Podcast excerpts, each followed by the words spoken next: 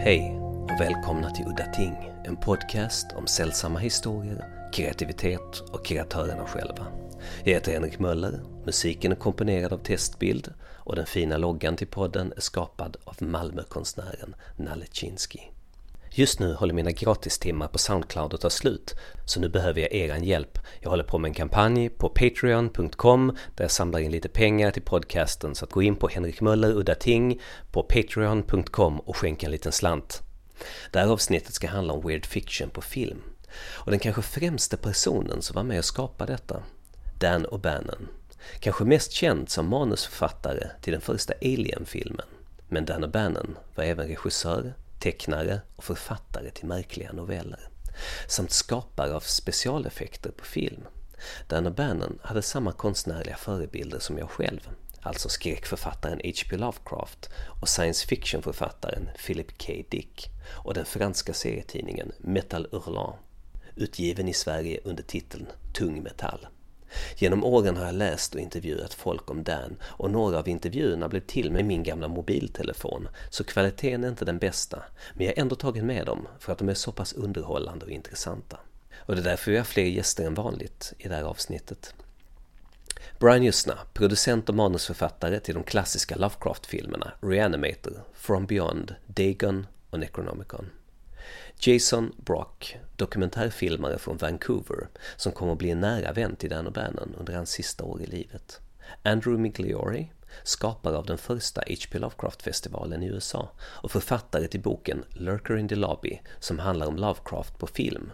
Och det är han som ska inleda det här avsnittet med att berätta när han och hans kollega John Stryzek kom hem till Dan O'Bannon för att intervjua honom för deras bok Lurker in the Lobby.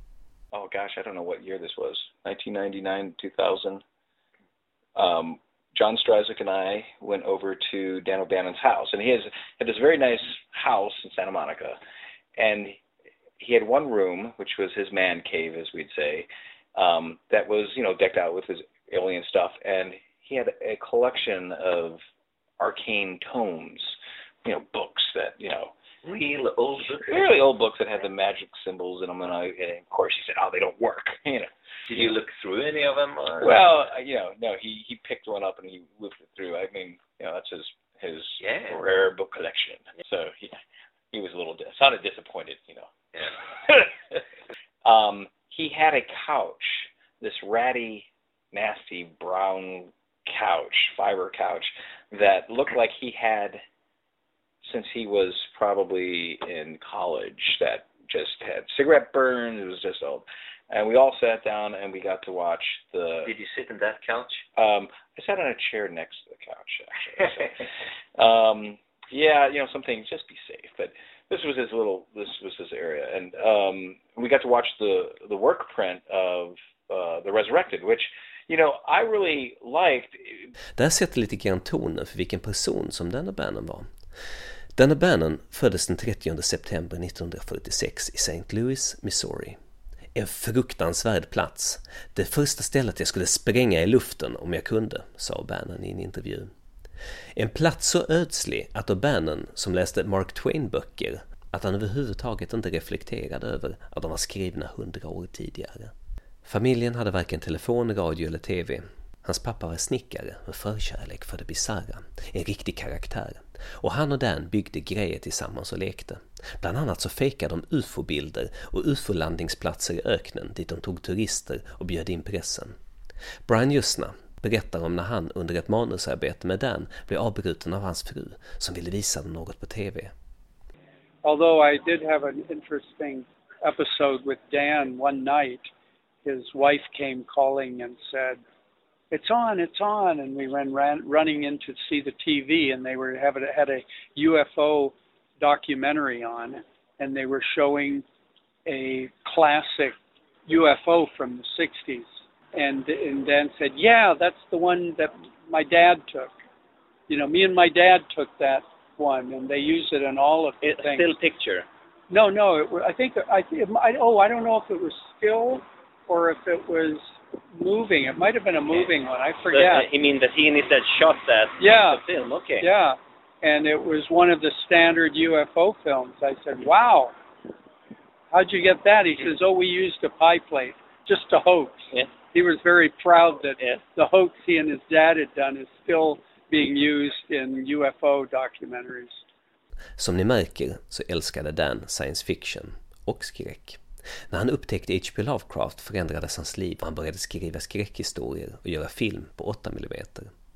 Flera år senare på filmskolan USC träffade han regikollegan John Carpenter och de började tillsammans göra skolans flashigaste film, science fiction-komedin Dark Star.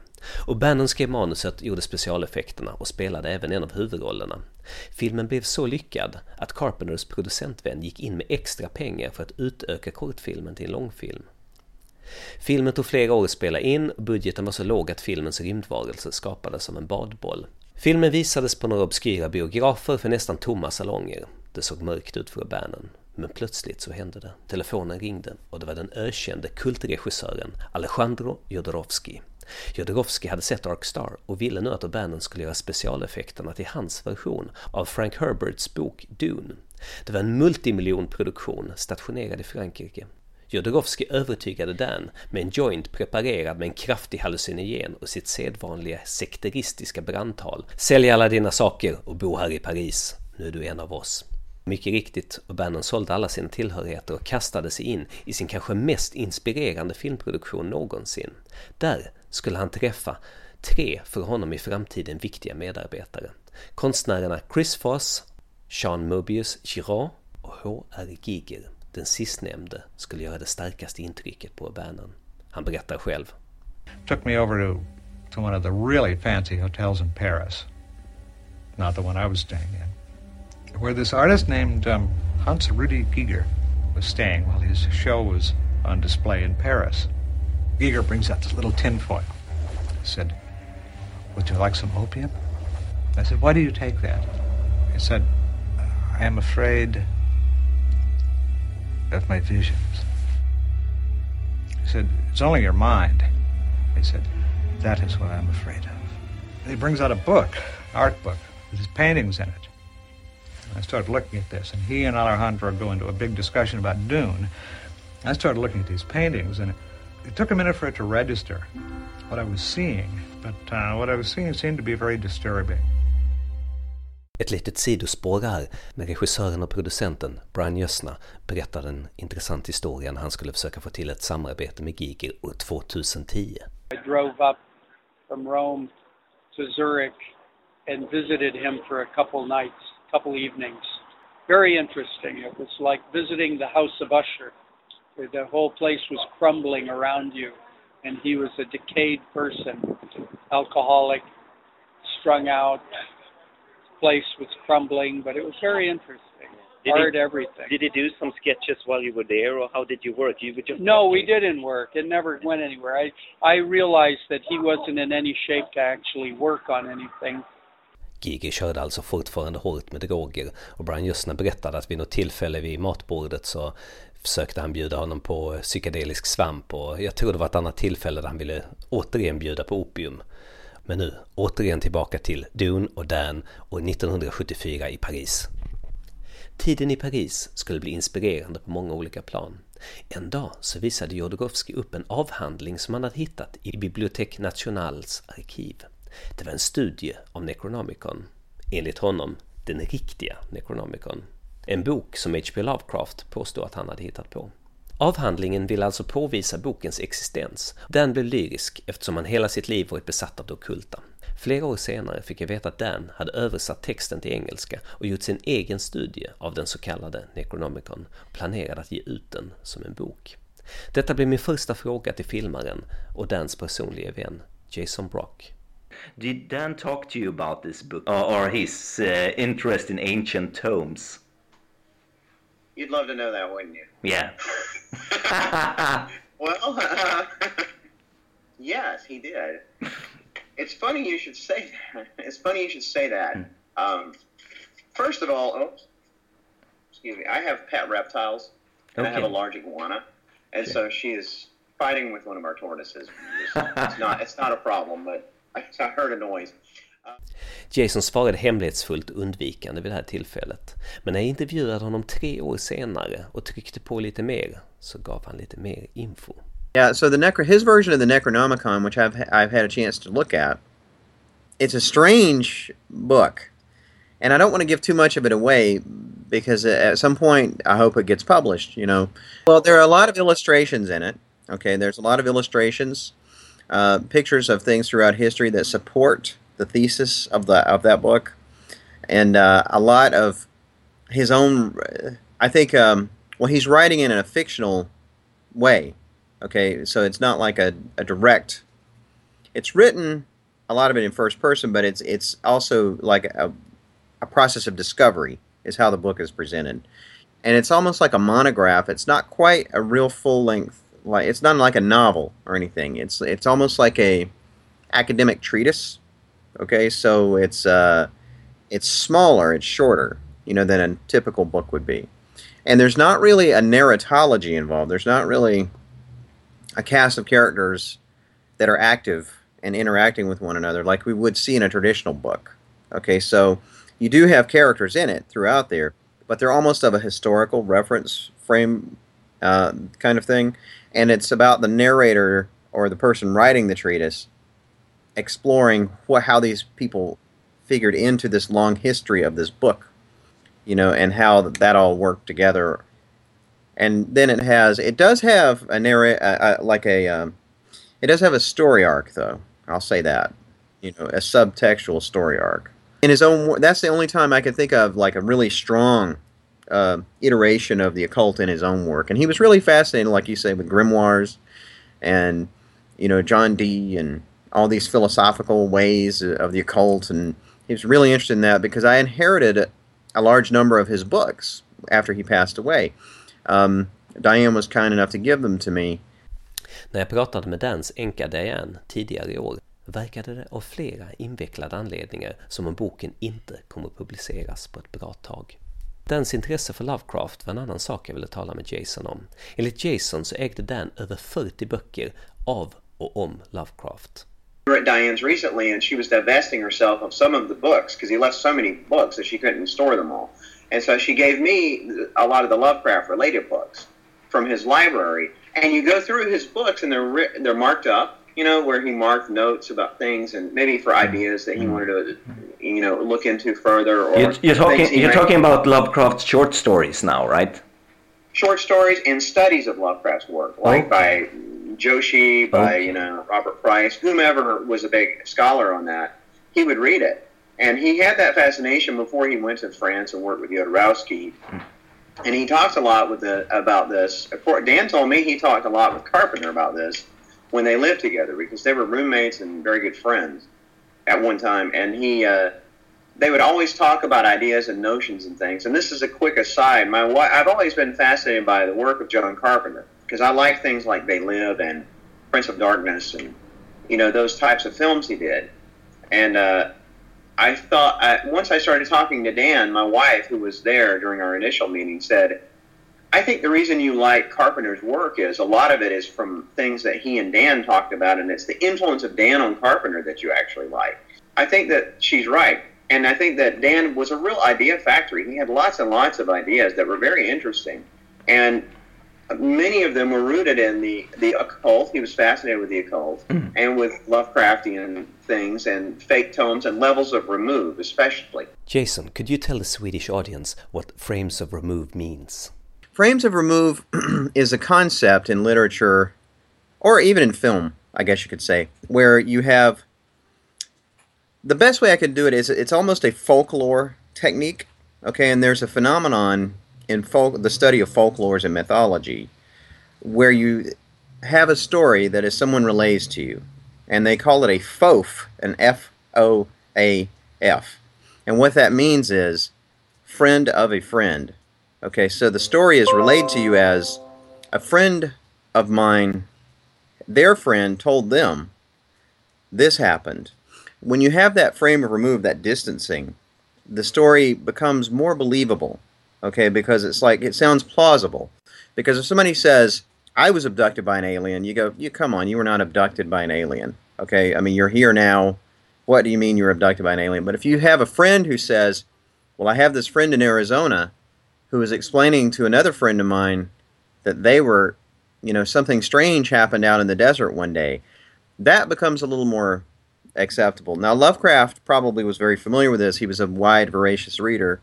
And so he probably had picked up on a lot of these kinds of conceptions, not necessarily studying it, you know, like you would as a professor or whatever, or studying mythology and folklore, but studying it as how does this work when it comes to literature. And Dan appropriated some of that conception to his own work. As far as that went, you know, he used Lovecraft as a sort of model for what how he wanted to comport the things he wanted to share. Because you know, Lovecraft, he considered like the perfect, you know, writer for writing horror. And that Lovecraft, everything he did was toward the singular purpose of coming up with a horrible conception, right? And so he said that he was kind of the uh, he was kind of the Van Gogh of, of horror, you know, where he would he would do everything he could, make the house black and freak himself out, and you know all this kind of thing, just to kind of half sleep and wake up suddenly. And he said that he tried to emulate some of those techniques to get his ideas. So I think that he was mostly successful, you know, because Dan had a lot of great ideas. Det här är vad Dan själv hade att säga om kreativitet och hur han ibland löser writers block och liknande när han behöver få lite idéer.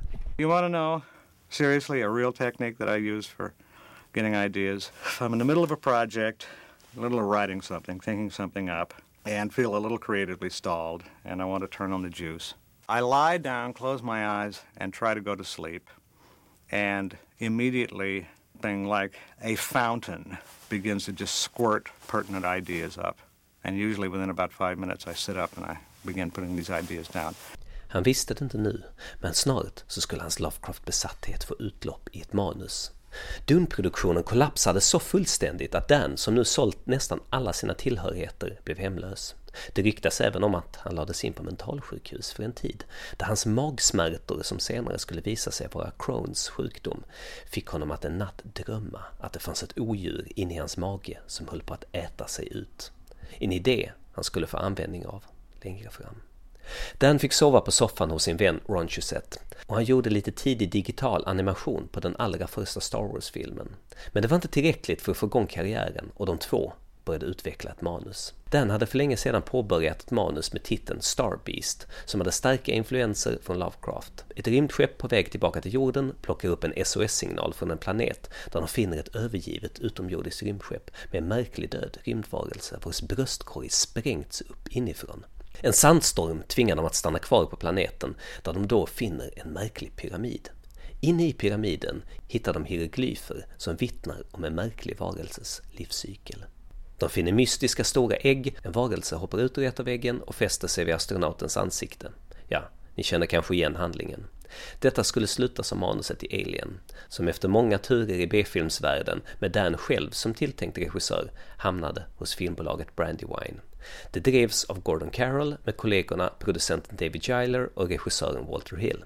Giler och Hill såg originalitet och potential i Alien, men som skapare av mer jordnära cowboys och gangsters tyckte de att de fantastiska elementen i filmen var trams. De skrev genast om manuset nio gånger tills O'Bannons karaktärer hade bytt namn till idrottsstjärnor och både pyramiden och den utomjordiske piloten var borta, samt att det övergivna rymdskeppet hade förvandlats till en hemlig militärbas där genetiska experiment hade gått fel och det av misstag hade skapats en mordisk rymdvarelse. I en manusversion hade det framställt genetiska kopior av krigare som Alexander den store och Genghis khan som nu slogs mot rymdvarelsen. Det var rena kaoset. De ratade även Giger som skapare av rymdvarelsen, vilket O'Bannon ansåg med all rätt vara filmens starkaste kort. Dan O'Bannon var förfärad. Hans dröm att göra en Lovecraftiansk rymdfilm höll på att spåra ur. Men räddningen skulle komma när han träffade filmens regissör Ridley Scott som fick läsa O'Bannons originalmanus. Ridley Scott och O'Bannon kom bra överens och Scott hade makt som regissör att kräva att manuset skulle skrivas om till ursprungsskick. David Giler och Walter Hill sköt upp skrivandet, antagligen eftersom de inte var intresserade av en omskrivning. De ville bara få skiten överstökad. För dem var det ännu bara en film som skulle produceras. Slutligen så bara reste Giler till Hongkong med sin flickvän och det hela verkade avslutat och Bannon var den enda som brann för projektet och han bad Ridley Scott om han kunde få skriva om manuset. Och Bannon introducerade även Scott för sina tre kollegor från Dune-projektet, Chris Foss, Mobius och Giger. Scott var imponerad, men mest imponerad var han av Giger. Nu krävde Scott inte bara att de tre konstnärerna skulle designa filmen, utan även att O'Bannon själv skulle övervaka arbetet. Producenterna, som helst ville bli av med O'Bannon, slet sitt hår. Trots att pyramiden slopades från filmen på grund av budget och storymässigt temposkäl behöll filmen sina Lovecraftianska element och Alien är än idag en av de få lyckade Lovecraftianska filmerna. Efter Aliens succé var Bannon efterfrågad manusförfattare. During the process of Alien becoming a successful thing, Dan was in demand as a screenwriter Mhm. all of a sudden, a lot. So he was working on something and he said that he was stumped by a word. He was trying to think of a word, he couldn't think of it. And so he, Harlan Ellison is in the phone book in Los Angeles. And so he looked up Harlan's number and he called him and he, and Harlan is a very strange character. So he answers the phone and he goes, yeah. He, he says, yeah, Dan, uh, Harlan, this is Dan. And uh, Harlan goes, yeah, Dan, yeah, uh, this is incredible. I don't know how I'm going to make the nut on this house. I mean, I, I'm, I'm in my up to my eyeballs in debt. I, I just I've got too much work. I don't know what to do.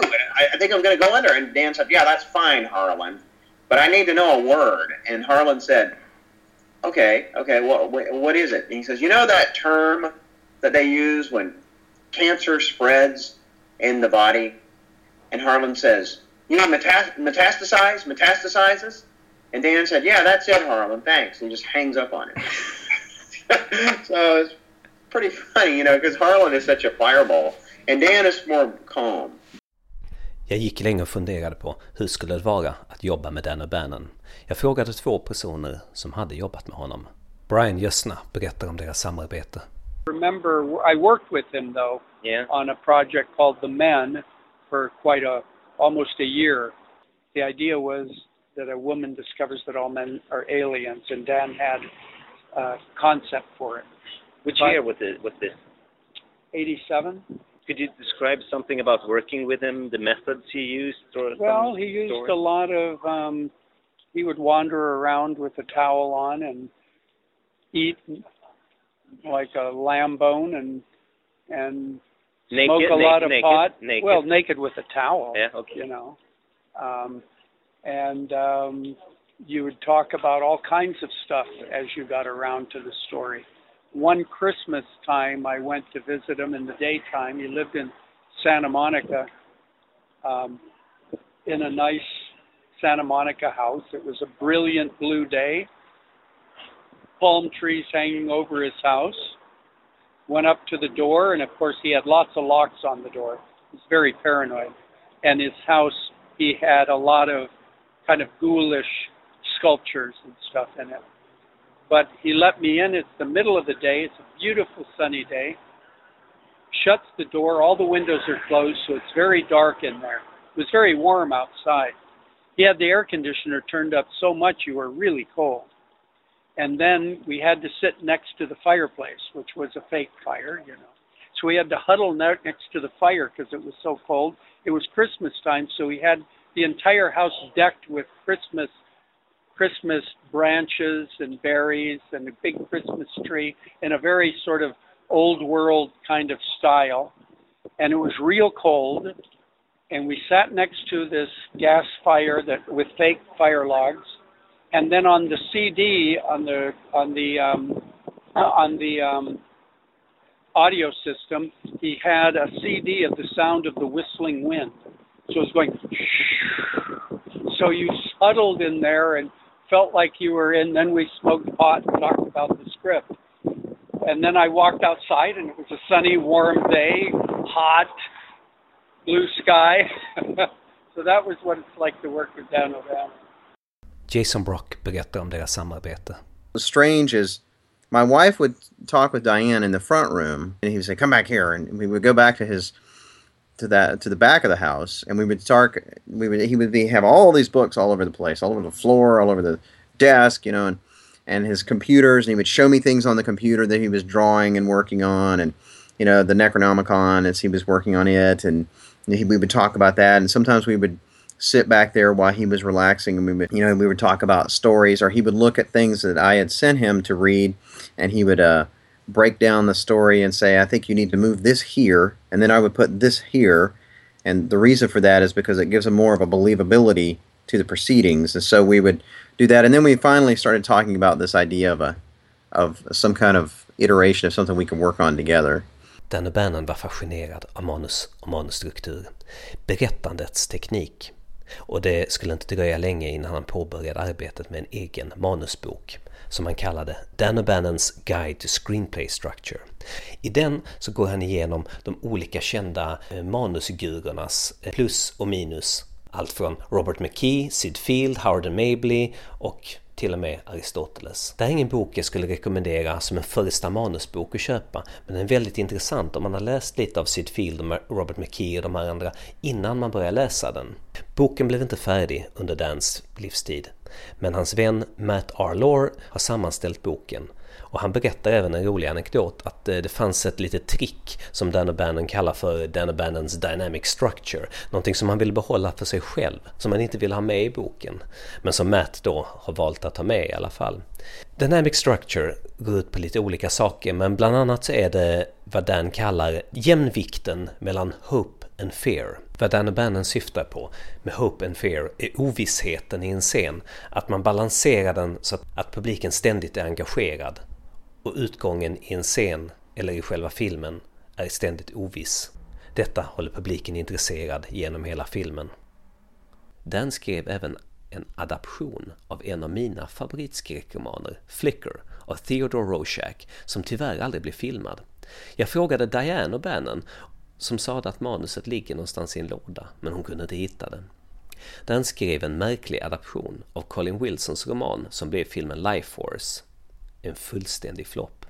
Det skulle dröja 12 år innan O'Bannon återvände till Weird Fiction och sin förebild Lovecraft. Den skulle då göra film av Lovecrafts The Case of Charles Dexter Ward i en film kallad The Ancestor som senare skulle tas ifrån honom och bli omklippt av producenterna och då kallas The Resurrected. Trots detta kan jag varmt rekommendera filmen. Den är en av, om kanske inte den allra bästa Lovecraft-filmatiseringen någonsin. Slutet i Joseph Curvens katakomber var år 1992 helt nytt och fräscht och Bannon använder ett grepp där huvudpersonerna blir jagade av missfoster skapade av återuppväckta djur och människodelar, där bara delar av de enorma katakomberna lyses upp av ficklampor och facklor och varelserna kastar sig mot dem ut ur mörkret medan de försöker undvika djupa gropar i golvet som ibland också är befolkade av dessa varelser. Den svor i alla fall och förbannade filmbranschen och berättade för alla som ville höra att det var välkomna hem till honom för att titta på hans version av filmen. Jag hade tillfälle att se den annars omöjliga The Ancestor 2015 på Necronomicon i Providence då hans fru Diane visade upp den. Men jag blev tyvärr tvungen att välja bort den och det låter märkligt men det fanns anledningar. Jag hade inte tid under festivalen. Filmen visades förvisso två gånger men den är nära två och en halv timme lång och krockade alltid med någonting annat och dessutom visade sig att det inte är en komplett film utan så kallat workprint där både musik och ibland dialog saknas. Efterproduktionsspecialeffekterna är helt borta samt även några av scenerna där skyltar med sin missing kunde dyka upp då och då. Att se filmen skulle vara mer ett studiesyfte för att förstå O'Bannons originalvision. O'Bannon hade nu sjunkit djupt ner i B-filmsträsket och hans hälsa blev bara sämre och sämre när han bara några månader innan hans död, 2009, blev tilldelad H.P. Lovecraft-festivalens hederspris The Howie för sina Lovecraftianska prestationer. Grundaren Andrew Migliori berättade att O'Bannon grät av glädje och sa att priset betydde mer för honom än en Oscarsstatyett. Och jag förstår honom. Jag kände likadant när jag 2014 vann Lovecraft-festivalens pris för bästa långfilm i USA. Jag hoppas med detta avsnitt sprida ordet om den begåvade historieberättaren Dan O'Bannon som främst manusförfattare men även som regissör berikade oss med sina visioner. Var det slut för den här gången? Jag heter Henrik Möller och musiken är framförd av Testbild. Hej då!